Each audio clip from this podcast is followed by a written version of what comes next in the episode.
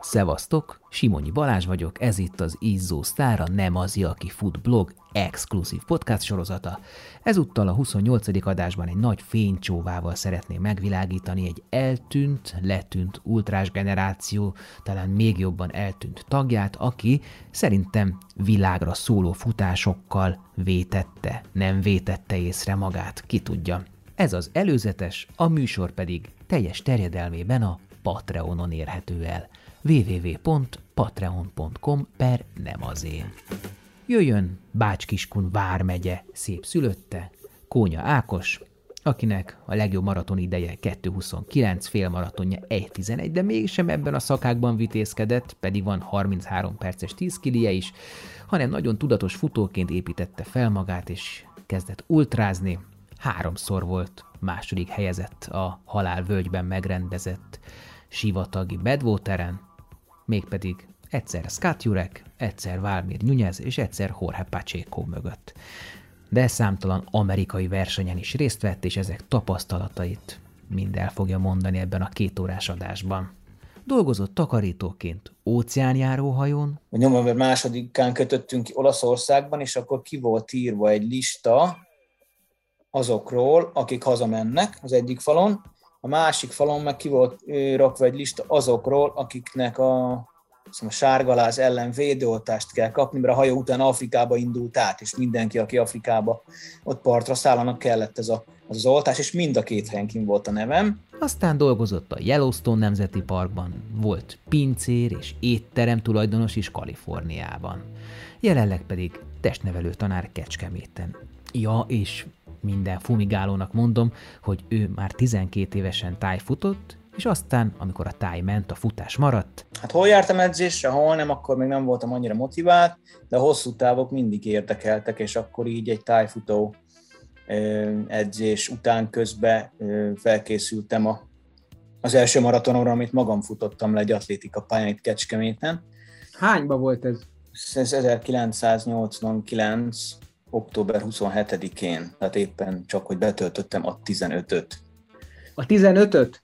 A 15-et, igen, igen, 3 óra 57 perc lett azt hiszem az idő, de, de megállás nélkül sikerült a 106 kört lefutnom. Ott az edzéstársaim, barátok számolták a köröket, úgyhogy az volt az első ilyen igazi hosszabb futásom valahogy mindig vonzottak a hosszabb, a hosszabb távok, maraton, illetve hosszabb távok, úgyhogy innen indulhatott valamilyen szinten az ultrafutás iránti szeretetem. De senki nem jelentette föl. Akkoriban ez tök normális volt.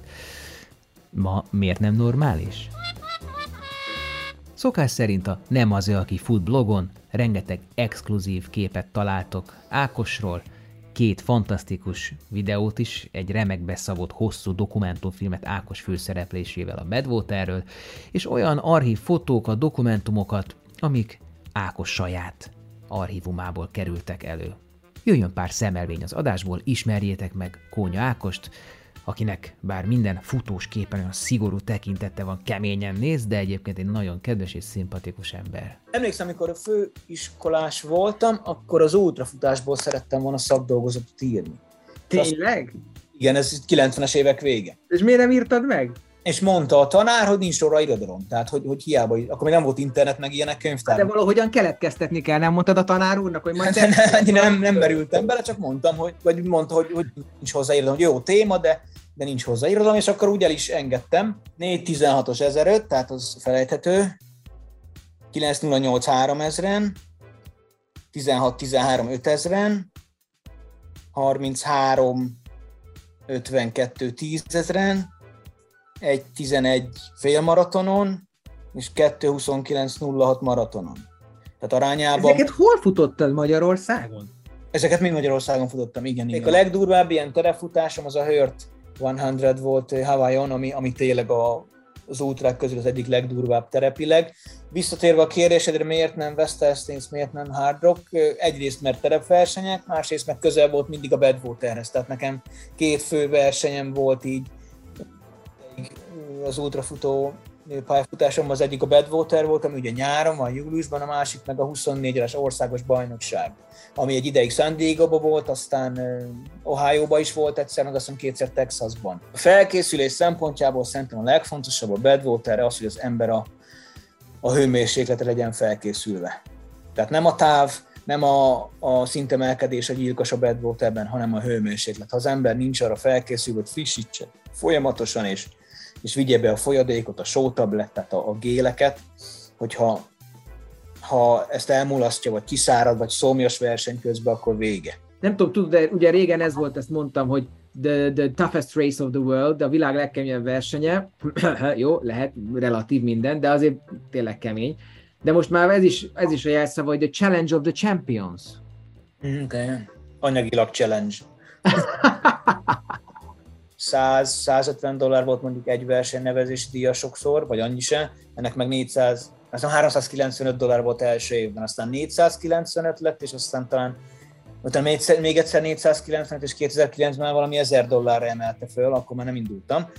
Tehát az a maga 395 dollár is nagyon-nagyon sok pénz volt a többi versenyhez képest, akkor is, ahogy tehát jó mondott, tényleg nem adnak semmit, mert a segítségedet is te viszed, a frissítőt is te a szállást is te intézed, úgyhogy meg kellett ezt, meg kellett ezt gondolni, de, de nyilván én ott úgymond helyi lakos voltam, tehát 5 óra vezetésre volt Oceanside-től a, Oceanside a, a halálvő, tehát hogy az, az vállalható.